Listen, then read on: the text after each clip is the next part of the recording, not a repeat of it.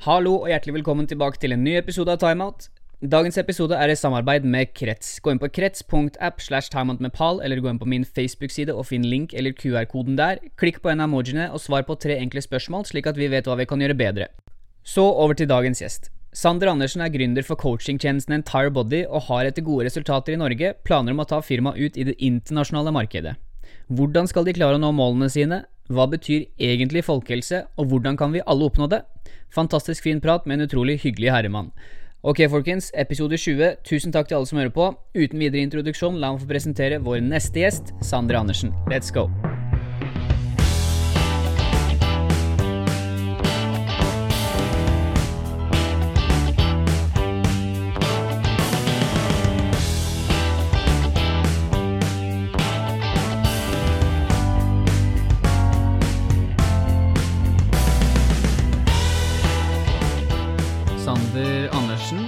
Velkommen skal du være.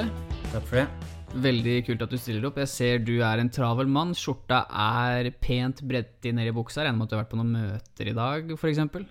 Det stemmer. For eksempel. Og så har du vært eh, på en annen podkast også. Hva var det den het for noe? Eh, Da var jeg på en podkast som Finansavisen skal publisere om noen uker. Ikke sant? Kanskje jeg må dele den? Kanskje det kommer tima? Så jeg må dele den. Litt sånn dobbel eksponering der. Det, det er fort mulig. Jeg vet Det- ikke helt hvilken rekkefølge vi kommer der. Men uh. Det er ikke så farlig. Poenget er, igjen, takk for at du stiller opp.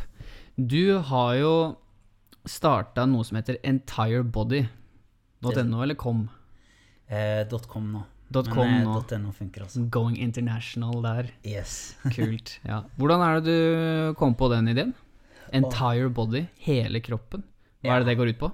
Nei, det er jo rett og slett eh, det å starte en forebyggende helsetjeneste som hadde fokus på hele mennesket, eh, og ikke minst dette med å hjelpe dem gjennom vaneendring fremfor å ha veldig prestasjonsrettet eh, opplegg, da. Som vi kanskje opplever at eh, konkurrentene våre har, som kanskje er tidsbegrensede eller har et mål om å gå Birken, eller altså veldig sånn type Nå snur jeg livet mitt på hodet for å få til dette her opplegget. opplegg, da. Ja, Og det gjør ikke dere.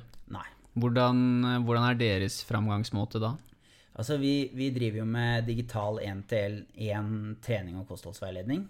Eh, og måten vi gjør det på, er rett og slett at eh, alt kommunikasjon skjer på chat. Vi har utviklet en software så våre fagpersoner eh, eller coacher har sitt eget websystem, og sluttkunden eh, gjør alt gjennom sin, eller vår egenutvikla app, da. Ja. Så vi tar, når du kommer inn som kunde hos oss, så gjør vi en screening av deg. Eh, vi spør hvorfor du ønsker å endre trening eller kostholdsopplegget ditt, eh, hva bakgrunnen er, hvor ofte du har trent tidligere, hvordan du spiser, er det forskjell på hverdag og helg? For veldig mange opplever at hverdagen er liksom piece of cake, og så kommer helga, og så ja, Mister du alt, mister du alt. så er jeg tilbake på start. Ja, og vi prøver liksom å finne ut av hvilke vaner og hvilke tiltak er det vi kan gjøre som ikke nødvendigvis snur livet ditt på hodet, men f.eks. finne ut av det du allerede gjør bra, at du kan gjøre mer av det, og kanskje redusere litt på de dårlige vanene, da. Så dere basically gjennomgår en screening når du da melder deg inn, eller hvordan det funker? Ja. En screening av eh, ansatte. Jeg går ut fra at det ikke er du som gjør det her.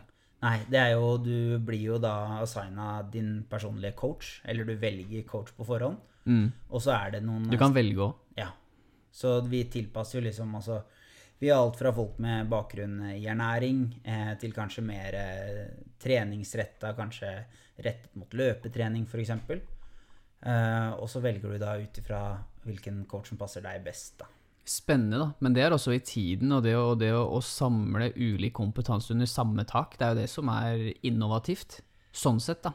Absolutt. Vi er jo i den verden som heter shared economy. Eh, Ja. Som er liksom hvordan kan vi jobbe med tekniske løsninger og samle forskjellig type kompetanse mot å levere ett dritbra produkt ut til sluttkunde. da. Ja, ikke sant?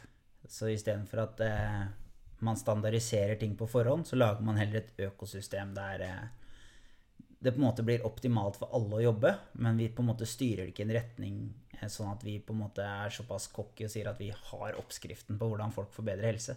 Ja. Nei, men det, det er, altså, Der slår du et slag i bordet for noe som er viktig, fordi det finnes ikke noe to streker under svar på hva, hva god helse er. Altså Begrepet helse i seg selv, hva er det for noe? Det er jo så stort at vi Hvor er det vi skal begynne? Det dekker så mange aspekter. Mm. Dere er absolutt inne på noe der. Og så er jo helse også et begrep som eh, dynamisk endrer seg. Altså sånn Det vi tidligere kanskje så på som helse, var å leve lenge, altså ikke dø for tidlig. Ja. Mens nå er det kanskje det å ha livskvalitet med de årene man har her. Fordi vi har medisiner som kan gjøre at du lever lenge, men kvaliteten blir da også eh, relativt dårlig, da. Helserelaterte livsår, rett og slett. Hvor mange gode år har du? Ja, ikke sant? Hvor mange år kan du bære dine egne handleposer? Hvor mange år kan du leke med barna, barnebarna dine? Altså, Ja. Det, det er det som betyr noe i dagens samfunn, for vi blir jo eldre og eldre. Så Ja. den definisjonen av helse har vi kalt det medisinbransjen har fiksa. Medisinbransjen, ja. ja. Men det dritbra produktet dere har nå, eller tjenesten som det blir, Mm. det, dere begynte jo ikke der.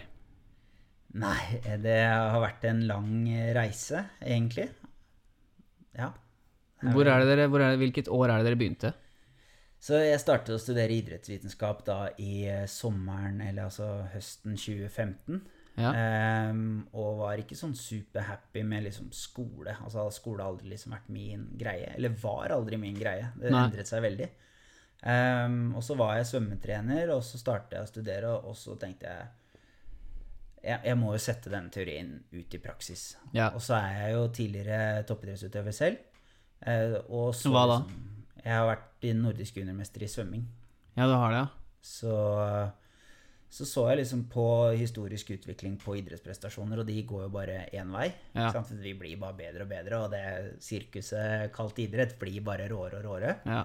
For det er det der, det er ikke, det er jo ikke nødvendigvis hvem som er størst eller sterkest lenger. Det er største profiler, møter hverandre, og liksom det er jo alt eh, Altså, idrett er jo underholdning, Mm. til syvende og sist. Men også måten vi klarer å optimalisere menneskekroppen til å prestere på ett spesifikt tidspunkt, det er ekstremt. Ja, det er ekstremt, og det er dritkult. Men eh, det er ikke det vi så på som noe stor problem. Det er så ekstremt mange dyktige mennesker i den bransjen. Og så kikket vi på folkehelsetrenden, og, og den gikk stikk motsatt av eh, idrettsprestasjoner. Eh, og det var egentlig da bakgrunnen for hvor skal vi starte. Så jeg satt dette her i praksis når jeg studerte. Prøvde å få meg en PT-jobb, eh, og PT-bransjen er litt sånn rar, for du må, selv om du har liksom årsstudium i, i idrett, så er ikke det godt nok. Du må ha deg et eller annet kurs på toppen av det der du gjerne lærer Ja. litt mindre enn årsstudium i det. Det er byråkrati, da. Ja. Det er jo sånn det funker. Um, så jeg fikk meg da en, eh, til syvende krangla meg til en PT-jobb på et gym som het Raimonds gym. Raimonds gym. Hvor er det her hen? Hvilken det- by er det her i? Det her er på Statellet i Bamble eh, i Telemark. Ja, ok, ja. Eh, Markedet der var ikke så veldig stort for PT, for å si det sånn. Vi kan bare starte der. eh, Og dermed kom liksom Hvordan kan jeg gjøre dette her på nett? Ja. Så det er liksom den spede starten.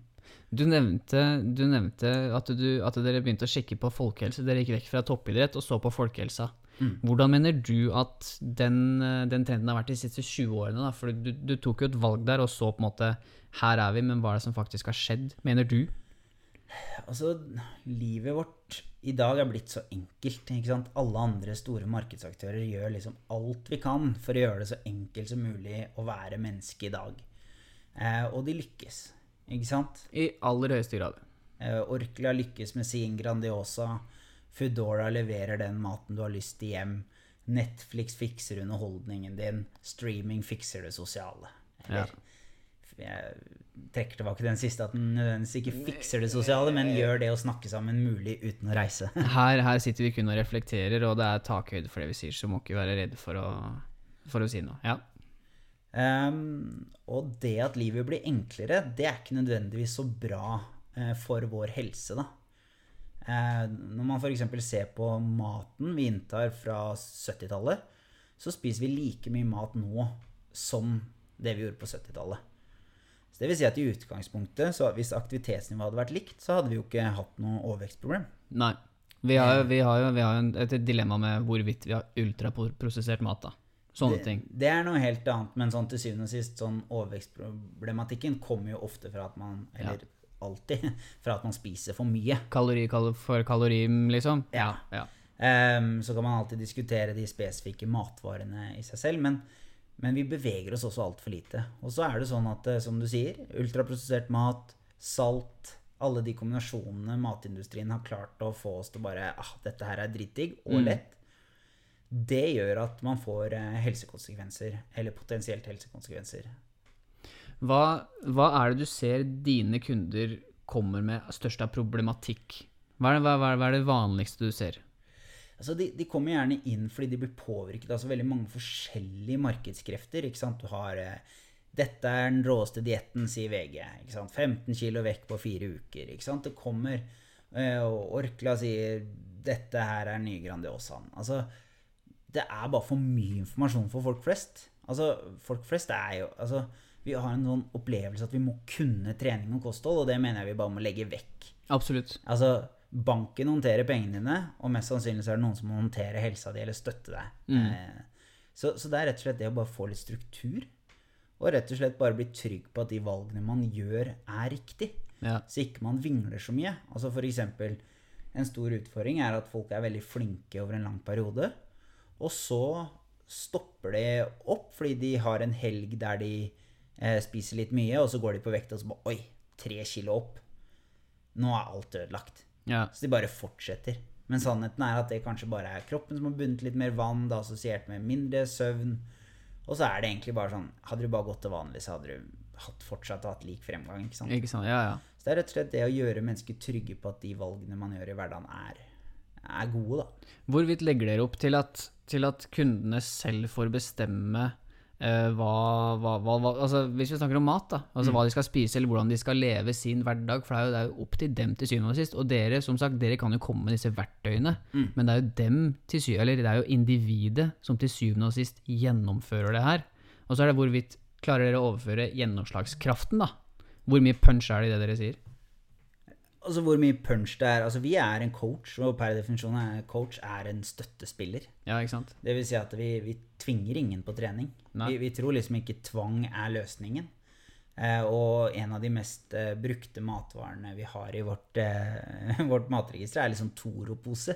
Ja, Fordi folk sant. må ha det enkelt. Det er liksom, vi kan ikke begynne å liksom si at ok, i dag levde du det livet, i morgen så skal du snu hele livet ditt om, og du skal spise kylling og ris og brokkoli. og så vi spør etter hva er favorittmatvarene dine, eh, hva er det du ikke kan leve utenom, eh, hvor ofte drikker du alkohol? Altså, for det er ikke sånn at eh, vi skal jo ikke lage toppidrettsutøvere, og da skal det også være rom for de eh, utskeielsene, ha det gøy og være sosial. Og, så det handler rett og slett om å ha en støttespiller som guider deg gjennom det, og takle et moderne liv og fortsatt ta vare på seg selv. Og det er ikke så vanskelig som folk tror.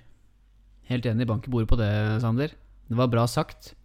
Hvordan er det dere, eller når er det dere kom, fant ut at dere skulle gjøre det over nett? Fordi jeg nevnte for deg innledningsvis her, eller før vi begynte, at måte, dere har jo kommet inn i absolutt riktig tidspunkt. Det var en stund hvor vi ikke skulle, vi ikke skulle snakke med folk fra nettet, og så fant folk opp ikke sant, Tinder, ikke sant. Eh, det var en stund vi ikke skulle sette oss i en bil med fremmede, og så fikk vi Uber. Og da setter du deg i en, deg en bil med en fremmed som du har møtt på nettet, ikke sant. Dere har jo modifisert dere og møter da Altså, vi skulle ikke kalle det PT, men dere er jo en coach over nett, og dere møter jo i den digitaliseringa, så dere har jo tima det ekstremt bra. Ja, altså vi har ikke tima det bra. Vi har hatt flaks med timingen. altså det er jo liksom sånn, da, greit. Tanken var at vi så jo en eh, digital trend der ute i, i 2016, og dette her, da begynte jo liksom Airbnb, Uber, Facebook hadde liksom tatt fullstendig av, og man så liksom en tendens til at det var liksom digitale løsninger er fremtiden. Ja. Eh, og så så vi altså Det er jo en makrotrend at vi handler produkter på nett. Men tjenester på nett, det har vært litt verre. ja. Eh, og så har vi da på en måte hatt flaks med timingen og, og gjort de analysene. Altså med alle analyser så gjør du noen spekulative valg. Altså hvor, hvor går markedet hen? Eh, og der har vi truffet eh, ganske bra, da. Så jeg rekrutterte min Jeg startet jo selskapet alene, men rekrutterte en co-founder eh, fordi han har teknisk bakgrunn. da. ja. Hvordan, hvordan var begynnelsen, da? Det var kaos. Alt var over mail. Eh, Excel-dokumenter, Word-dokumenter. Vi traff på et veldig sånn nisjemarked eh, tidlig. Så var, vi har vært heldige og tjent penger egentlig fra dag én. Ja. Vi har liksom ikke hatt den tradisjonelle startup-veien der vi liksom har vært skikkelig langt nede i grøfta sånn økonomisk. Ja. Men løsningsmessig så har vi vært relativt eh, Ja. langt nede i grøfta, da. Så, så det er liksom, vi startet med Excel-dokumenter, og det ble kaos, og vi måtte følge opp kunder på nettet. Det ble veldig vanskelig til slutt, og til slutt så måtte vi bare lage et websystem.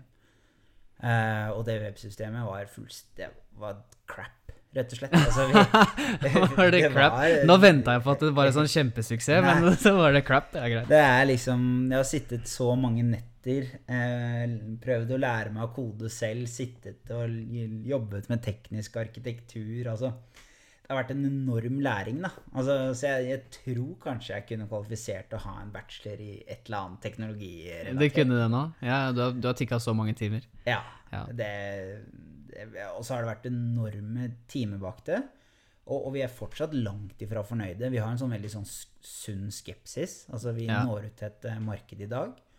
Men, men vi skal bli like bra og like gode og enkle løsninger som Uber og Airbnb der ute. Altså vi, vi skal ut og, og ta et verdensmarked, for vi mener vi har en, et ansvar for å på en måte gå ut og ta en posisjon innen forebyggende helse. Um, og det er det som også liksom drar oss framover. Altså, det finnes ikke noen gode forebyggende helseløsninger der ute. Det finnes masse eh, quote on quote gode medisiner, Ja. men, men det er ikke løsningen. Nei, jeg kaller det ikke gode engang. Det er bare det er et virkemiddel for å skyve unna et problem, kaller jeg det, da. Som sagt, eh, lett refleksjon, men eh, ja, det er absolutt ikke noen løsning, er du gæren. Så det, altså, all kudos, også at, dere, at du har det, den visjonen der, du skal bli størst i verden. Mm. Det er da du får det til, da. Hvis du tør å tro på det. Det er high risk, high reward. High risk, high reward. Hvordan er det, du, hvordan er det dere klarer å på en måte Eller om dere klarer det, det vet jeg ikke, jeg håper jo det. Men hvordan er det dere, hvordan er det dere overfører en type mestringstro til klientene deres? Har dere noen, eh, har dere noen verktøy på det? Jeg tror det all, all hovedsak handler om supporten.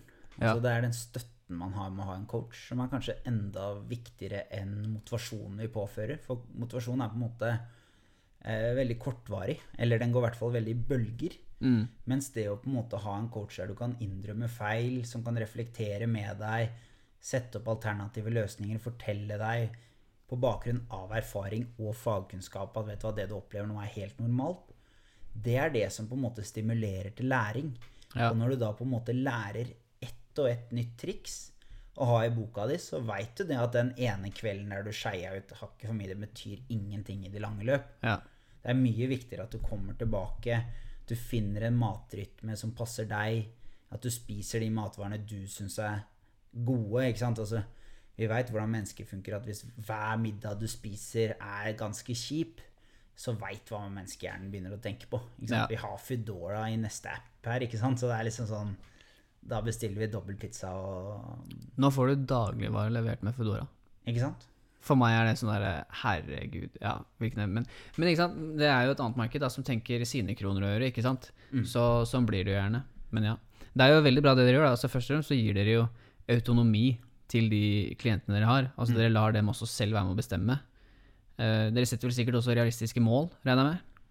Absolutt. Um, så, så det er liksom det, det er en kontinuerlig prosess. Altså vi er veldig sånn Vi er mer opptatt av det som skjer her og nå i morgen, Ja.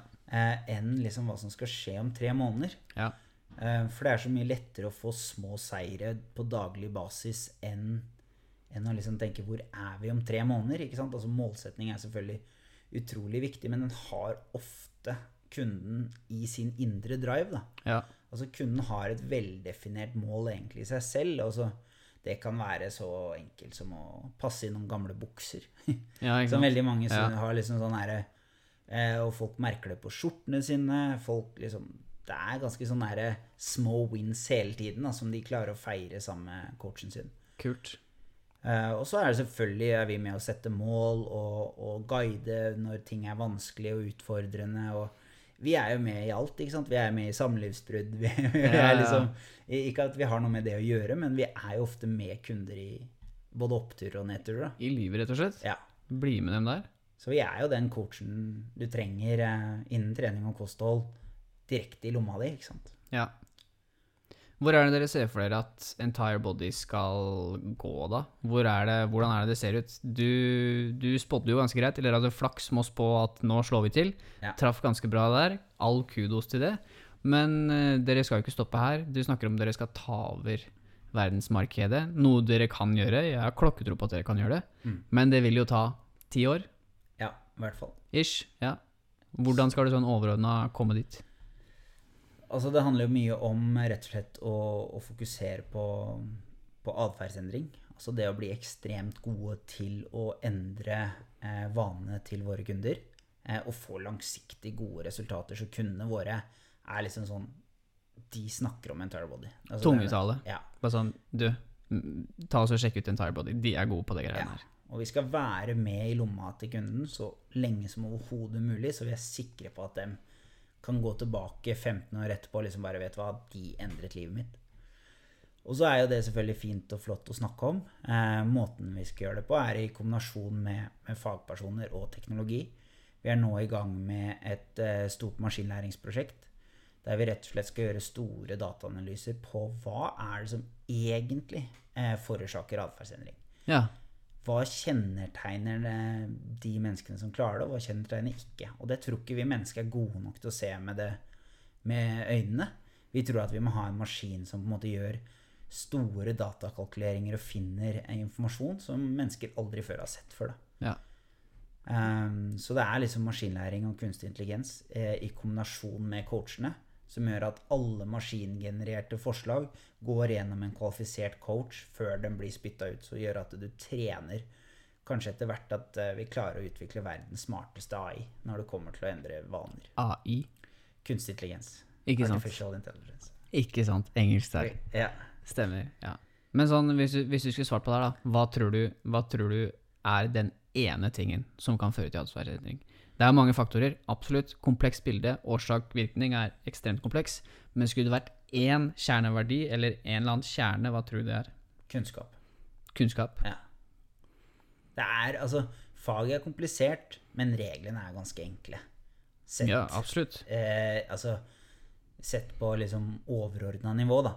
Ikke sant? Man forstår det at eh, man kanskje burde spise litt mer fisk, litt mer grønnsaker, få i seg nok vitaminer og grønnsaker som er egentlig ganske enkelt ved å bare spise fem om dagen. Altså, vi, vi Ja. har jo ganske enkle verktøy der ute som er helt geniale. Altså kostrådene, da. Kostrådene til Helsedirektoratet, Mm. de er jo ikke noe hokus pokus. Det er ikke nødvendigvis vanskelig. Men ja, det er som også nevnte innledningsvis, da, det, er, det er det støyet vi har rundt hele liksom de, de røde overskriftene som liksom skal friste oss med liksom akkurat nå, sånn midlertidig tilfredsstillelse. Mm. Liksom, vi, vi blir jo blokka, vi, vi klarer ikke å tenke sjøl, vi blir bombardert av informasjon. Mm. Så ja, kunnskap. Rett og slett riktig kunnskap. Ja. Og så legger vi på mestringstro, eller hva tenker du? Altså Etter kunnskap så begynner du å tenke mestring, eller små seire i hverdagen. Mm. Det å forstå. Ok, hvis jeg hadde lyst på sjokolade i dag, men jeg spiste bare en liten en. Ja. Samme smaken, eh, men du trenger kanskje ikke den over så lang tid så du blir kvalm. ja.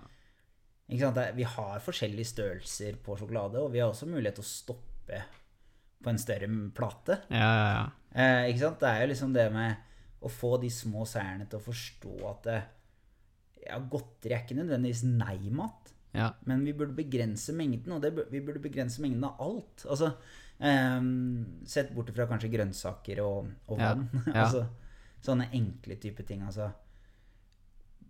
Jeg pleier liksom å si at hvis det er én matvare vi skal spise mer av, så er det mindre. Altså bare altså, ja, ja, flott sagt. Eh, la oss på en måte ikke gjøre Ikke begynne å kategorisere 'dette er bra mat', 'dette er dårlig mat'. Det er ikke noe som heter bra og dårlig mat. Mat inneholder næringsstoffer eh, av forskjellig kvalitet. Eh, og det er den vi må begynne å lære. At pizza Det er masse energi i pizza. Mm. Eh, og det inneholder masse kalorier per stykke. Altså det vil si at hvis du spiser Altså den har en høy kaloritetthet, da. Ja. Som gjør at hvis du skal, er skrubbsulten før du begynner å spise pizza, så dekker du kanskje dagsbehovet ditt bare i den pizzaen. Mm. Men det er også greit så lenge man bare forstår det. Ja. er altså, nyt en salat dagen etterpå, spis mer Altså Det som ikke er så kaloritett mat dagen etterpå, så er det ligna ut. ikke sant? Altså Få et sunt Ikke ha masse angst og masse sånne der dumme regler på mat. Mat er bare mat. Mat er bare mat. Det er jo enkelt å si, men kanskje vanskelig å etterleve. Men eh, jeg, jeg kjøper absolutt tanken du sier. Jeg klapper øynene for det. Absolutt. Hvordan er det du selv holder deg fysisk aktiv, da? Altså, jeg ser jo at du har en ganske kraftig ramme. Så det er jo ikke noe tvil om at du, at du løfter i ny og ne, men eh, hvordan er det din eh, fysisk aktivitet-hverdag ser ut? Nei, altså det er helt klart altså Etter jeg sluttet å svømme, så var jeg relativt lei av eh, kondisjonstrening. Eh, litt, Obviously. litt for lei. Jeg skulle ønske at jeg så den litt eh, tidligere. Ja. Men jeg fikk jo da en veldig sånn Altså, jeg må trene for å føle meg bra. Og, og det er liksom sånn Hvorfor det? Det er et eller annet med meg når jeg ikke får liksom blåst ut et par ganger i uka. Da Det, det er bare noe man må ja, ja. Ok. Sorry, jeg avbrøt deg der. Ja, ok, fortsett. Eh, Så det er liksom det funnet min greie med liksom meg og, meg og vektene. Ja. Og det er gøy å løfte tunge ting. Men så er jo på en måte Når korona kom, så ble jo ting relativt annerledes. Eh, Mm. Vi hadde ikke tilgang på gym lenger, og da har jeg begynt å løpe. Så nå løper jeg liksom to, ca. to mil i, i uka, da. Ja, ja. Um, og legger opp mye mot uh, ski og, og løping, da, Mm. som kanskje er mest eh, hovedfokuset. Men for meg så handler det mye mer om å bare trene og så opplever jeg at hvis man trener jevnt og har sånn cirka kontroll på hva man gjorde sist, så, så kommer også fremgangen. ja. Så har man noen dårlige treninger, noen bedre treninger, men over tid så er det liksom blir det fremgang, da. Ja, absolutt. Og så tenker jeg Du sier at du, liksom, du har et forhold til vektene der. Det er noe eget å på en måte mentalt sjekke inn, da. Bare nå skal du svette, nå skal du jobbe, nå skal du bli sliten. Eh, det er jo vondt der og da. Det er noe godvondt. Skal vi si, altså når du, har, når du begynner å få laktat, da. Mm. Eller eh, syre. Men eh, det gjør noe med deg etterpå. da. Det er jo ingen tvil om helsegevinsten vi har av å være fysisk aktive. Og så er det noe med det at jeg jobber jo ikke så mye åtte til fire. Eller jeg jobber åtte til fire, men jeg jobber både før og etter. Ja. så, Den er fin, ja. så, så jeg må på en måte For meg så er det veldig Når man skal prestere, altså det blir jo litt sånn som gründer så er du litt sånn toppidrettsutøver igjen. Ja. Du skal liksom prestere på veldig mange nivå.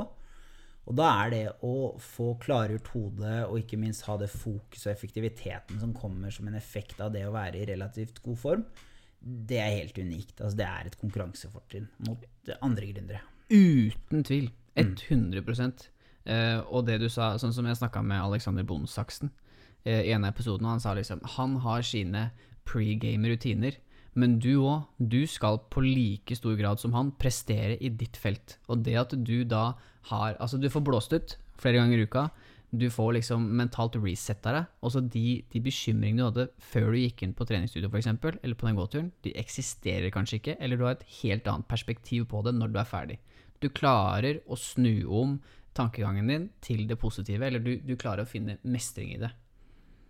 Ja, og, og liksom den hovedeffekten jeg får av trening, altså mitt hode, eh, det kverner hele tiden. Altså jeg har veldig Ja. sånn store utfordringer med å slå av tankene, men når du setter deg ned i en tung knebøy eller løper en intervall, så klarer du ikke å tenke på, på alle de tingene som skjer før eller etter den treningsøkta. Du er liksom bare her og nå. Det er Ja. på en måte en sånn type Jeg er veldig dårlig til å meditere, det får jeg ikke til. Det er liksom sånn Nei, der, da, da løper tankene på andre ting. Men akkurat treninga gir meg den meditasjonen som jeg opplever Eller eh, effekten av meditasjon, da, som veldig mange andre snakker om. Altså tømme hodet, Ja, ja. eh, resette fokus og sånne type ting. Det er liksom min trening, da. Ja, jeg, jeg kjøper deg helt til deg, og mange andre sier jo det samme. At det måte Du, du trenger ikke å sitte i lotusblomst og tenke på en eh, liksom åker, og så skal tankene dine forsvinne. Du kan også sette på steinhard rockemusikk og ta tunge knebøy. Det er like god medisin, det. Det kommer an på hva du selv syns smaker godt. da. Mm. Finne din greie, rett og slett. Absolutt. Og, det skal jo også nevnes at jeg har jo på en måte toppidrettsbakgrunn og er kanskje hakket mer glad i å trene enn folk flest, så det er ikke så mange hos kundene våre som, som har på rockemusikk og setter seg ned i dyp knebøy, selv om, selv om kanskje jeg, vi syns det er eh, Ja, men nå, Utrolig digg, da. nå snakker vi om hva din preferanse er. Ja. Sånn som jeg, jeg har litt annen, jeg har litt annen opplevelse av det. Meditasjon er eh, fint, yoga er enda bedre. Men for meg, jeg kjenner at jeg har kjempetankestrøm når jeg, når jeg trener, uavhengig om det er styrke eller løping. Løping er jo noe helt spesielt, for da forsvinner du jo helt i din egen verden. Hvis du har en sånn rolig joggetur, da finner, du, da, da finner du svar på kreft, ikke sant? ja, ja. Bare sånn eh, lett refleksjon, som sagt. Så, um, og så er, det, så er det overføringsverdien, og det at du faktisk skaper et momentum. Du kan begynne dagen med å mestre noe, Mm. og da har du hele dagen for dine føtter. Betyr, betyr, ikke at du, betyr ikke at du gjør noe spektakulært, men du går rundt med den der mestringstroen fra du står opp, eller liksom fra du går ut derfra, så går du på den, og du kjenner at blodet bruser, du er varm i kroppen, du har fått rensa topplokket, alt er på en måte klart. Mm. Det det, du, du skaper momentum. Det, er, det er en arena hvor du kan oppleve mestring, da. Stort sett hele tiden. Absolutt. Det er eh, Altså, mestringsdelen er jo en utrolig viktig del av det å, å trene. Og det, den kommer veldig naturlig, som du sier. Altså, det er ikke noe man må jobbe så veldig for. Altså, Nei. møte opp på trening, og så opplever du mestring. Ja. Og så er det det å komme i den vanen, da. Kanskje de, altså de klientene dere har, ikke nødvendigvis har det forholdet som vi har til trening. Eh, eller eh, det å være fysisk aktiv, og de, de gevinstene de gir. Kanskje for oss så er det sånn, det er jo en selvfølge. Jo- vi sitter jo her av en grunn og snakker om det, på en måte. Men eh, ja, hvordan, hvordan, skal vi få, hvordan skal vi få dem til å skjønne at eh, det å mestre den arenaen hvor du, hvor du har en kroppslig kamp med deg selv, eller altså psykisk, hvor du trener, hvordan skal vi få det over ja, forstå at det kan du overføre den mestringsånden til hverdagen din? Hvordan skal vi gjøre det, tenker du?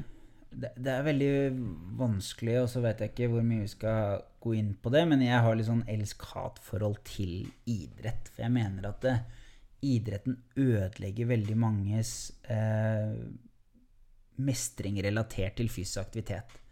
For at veldig mange blir sluset gjennom idrettsmodellen. Og i det så vil det være altså den Hovedfokuset til idrett til syvende og sist er tap og vinn. Ja. Og det vil si at man tidlig eh, får eh, mennesker som ikke blir de beste på fotballaget, svømmer så raskt eller ikke kan gå på skøyter. Ja. Det, det er faktaen i livet. Så veldig mange starter livet med en veldig negativ assosiasjon til trening. Og den tror jeg kanskje er det aller viktigste å, å starte tilbake med. Altså, Begynne på barneskolen, rett og slett, med, med trening, eller aktivitetsglede, rett og slett. absolutt. Nå har vi implementert eh, fysisk aktivitet og helse i grunnskolen. Jeg vet ikke om de har gjort det De har gjort det i Oslo, i hvert fall. Vet ikke om de har gjort det, om det er en del av timeplanen på grunnskolen ellers i landet også. Men det er jo ingen hvilken effekt det har. Selv på kids òg. Det er jo Hva er det for noe? Enkel forskning, da. Jeg husker ikke, husker ikke han som hadde det, men det var jo De hadde kontrollgruppe, og så hadde de som var i effekten, da, de som skulle være aktive, og det var jo 90% forbedring i matteprøvene. Nå er ikke det selvsagt ene og alene, men om at det har en effekt, Mm. det er det ingen tvil om. Jeg, jeg tror det er det å lære mennesker å se på ikke nødvendigvis hvilke resultater man kan få av treningen i seg selv, for der vil genetikk og Absolutt. forutsetninger spille så stor rolle, men kanskje du får den eh, mestringsfølelsen. Noen får den mestringsfølelsen mens de løper. Andre merker at matta sitter, eller sjakken sitter, mye raskere etter en treningsøkt. Energien er bedre. Ikke sant? Det er den gleden, og det er den vi må på en måte prøve å få tak i. Da. Altså fjerne litt det tap-vinn-konseptet. Absolutt. Eh, Og det er ikke bare et problem i idretten, det er også et problem i ettertid. Altså ta gruppetreninger på, på de store sentrene rundt omkring. De skal kjøre folk så hardt at de ligger som kluter etterpå. Altså det er sånn What's the point? Altså Det, det gir ingen mening, da. Nei. Annet enn at det ser veldig kult ut at denne tre ukers utdanna instruktøren klarer å hoppe opp og ned på den steppen. Nå får jeg sikkert mange uvenner. det, er liksom sånn der, det, det er ikke tilrettelagt for mestring. Nei. Så er det veldig mange gode gruppeteaminstruktører der ute, men jeg vil påstå at majoriteten er ganske dårlig. Ja. Um, for det er ikke nødvendig at trening skal være så forbanna hardt hver eneste gang. Da. Nei. Det handler om å finne en balanse, da. De gode, altså de steinhardøktene er jo viktige en gang iblant, de òg. Eh, og de kommer kanskje Altså, også kanskje de hardeste og de beste øktene er jo kanskje når du, når du først når du, Hvis du kommer etter en lang arbeidsdag, da, sånn som nå, veldig digg og bare jeg vet da, nå tar vi resten av dagen i kveld. Men tenk deg hvis du bare går ut på en joggetur, Om du så, eller hva det måtte være for noe, gåtur et eller annet, så finner du, så finner du deg sjøl i dypeste konsentrasjon, at du spurter opp en bakke, ikke sant? hvor du bare henter energi, og så tenker du 'wow, for en følelse'! Mm. Og så sitter du igjen med den derre 'shit, ass, det her var jo sjukt digg', det her må jeg høre igjen. Mm. Og det er det viktigste. Men det er jo, så, altså, det er jo challenge skills balance, som det så pent etter, hvis du Ja. skal snakke om flow, eksempel. Ja. Og, og det er det Der har vi en stor jobb å gjøre i bransjen. Altså, vi, vi er for dårlige til å tilrettelegge for hver enkelt på individnivå. Ja. Og, og da, da mener jeg ikke på en måte Det handler primært om de tilbudene som eksisterer der ute. De er ikke gode nok på individnivå, da. Nei, Eh, det tar massen, men de når ikke nødvendigvis helt fram. Men der er jo dere Der er jo dere kommet inn med en tjeneste som tydeligvis virker ganske bra. Jo, eh, men eh, utfordringen vår er jo at det er fortsatt en relativt dyr tjeneste, som gjør at vi ikke kanskje når ut til den mangfoldet vi, vi kanskje hadde lyst til. Ja, det, ja, ikke sant. Men dere hadde jo den nisjen, da. Men ja, dere burde jo nå altså, Det er jo noe dere, også, dere kanskje skal se på. Altså, hva vet jeg, jeg sitter ikke i en tarbody og styrer skuta, men ja. Det er jo noe du har absolutt å tenke på der, da. Absolutt, men det er utfordrende, og, og lønna skal betales, og det skal gi, gi mening i begge ender. Ja, ikke sant. Hva er det som motiverer deg annet enn dette entirebody? Det har jo tatt mye av din tid, har jeg skjønt. Men hva annet er det som motiverer deg? Altså, hva, er det, hva er det som får deg til å stå opp om morgenen? Annet enn e-poster og mas. Altså, jeg står opp hver morgen, og så har jeg liksom Jeg, jeg spør meg liksom primært ett spørsmål, og det er liksom hva, hva kan jeg gjøre i dag eh, for å klare å motvirke de negative trendene innen forebyggende helse? Det er Ja. liksom Det er det jeg lever for per nå. Og så elsker jeg jo risiko, da. Altså Risiko er på en måte min drivkraft. Altså Jo mer komfortabel jeg er, jo dårligere føler jeg meg. Ja. Så jeg på en måte prøver hele tiden Hvor er det jeg kan ta en bet som kan gi meg relativt stor avkastning på lang sikt? Og Ja. for meg så er det på en måte det å klare å hjelpe flere mennesker til å oppnå noe, det er kanskje den aller største drivkraften. Eh, og er, derfor er jeg også jeg er veldig aktiv i startup-miljøet selv, eh, og hjelper mange andre gründere også med å, å være litt sånn støtte og rådgiver til, til dem, da. Eh, og mest på den biten der du på en måte tør å tenke stort. Altså Ja. å slutte å sette begrensninger, det er liksom kanskje Det at ingenting er umulig, er kanskje liksom det som har eh, Ja motiverer meg mest, da. Altså folk har fått til helt sinnssyke ting. Og vil, mange lever kanskje livet sitt med å bare ta ut 5% av potensialet sitt, og det syns jeg er helt forferdelig. Ja. Um, bare fordi at veldig mange blir puttet i en boks. Og så er de veldig komfortable i den boksen. Men ja. når de, kanskje når de skal lukke øynene og, og lukke kista på slutten av, av Når livet, tilbake. så er det kanskje liksom Fader, hvorfor gjorde jeg ikke det? Ja. Og det husker jeg ikke hvem som sa, men det er noen som har gjort studier på liksom, hva er den største tingen, eller hva er det du angrer på? Har de spurt mennesker på, på gamlehjem, og det er liksom alltid de valgene man ikke tok. Ja. Og det syns jeg liksom er Det er fett. Det er spennende. Det er Jeg er helt enig. Bank i bordet. Helt enig, ass. Så Det er, så det er liksom sånn det, Dette med å ta ut potensialet sitt, og ikke minst hva som sitter mellom øra, er liksom Det er greia, liksom. Tankens kraft. Ja. Ja. Og hvor mye, hvor mye power du klarer å legge i det. ja. Jeg er overbevist om at de som visualiserer og på en måte legger vekk negative tanker og ser muligheter, de ikke sant? Det handler om å finne sin passion. Og jeg tror alle mennesker der ute har et eller annet de er dritgode på. Mm.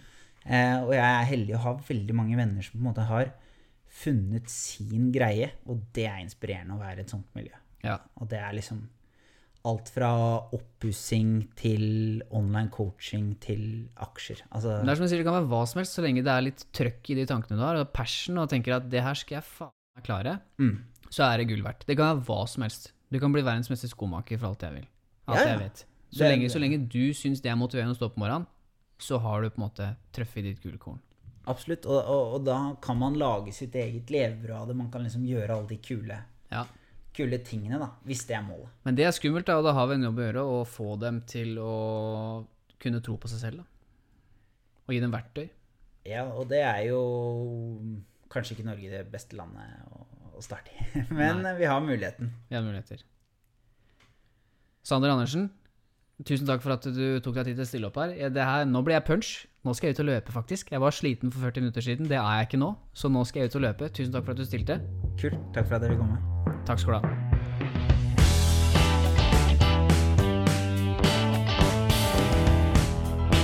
Tusen takk for at du hørte på episoden, og takk til Sander som stilte opp. Klikk deg gjerne inn på iTunes og gi en vurdering der, spre budskapet og ha en fin dag videre. Igjen, tusen takk for at du hører på, så snakkes vi i neste episode. Ha det bra.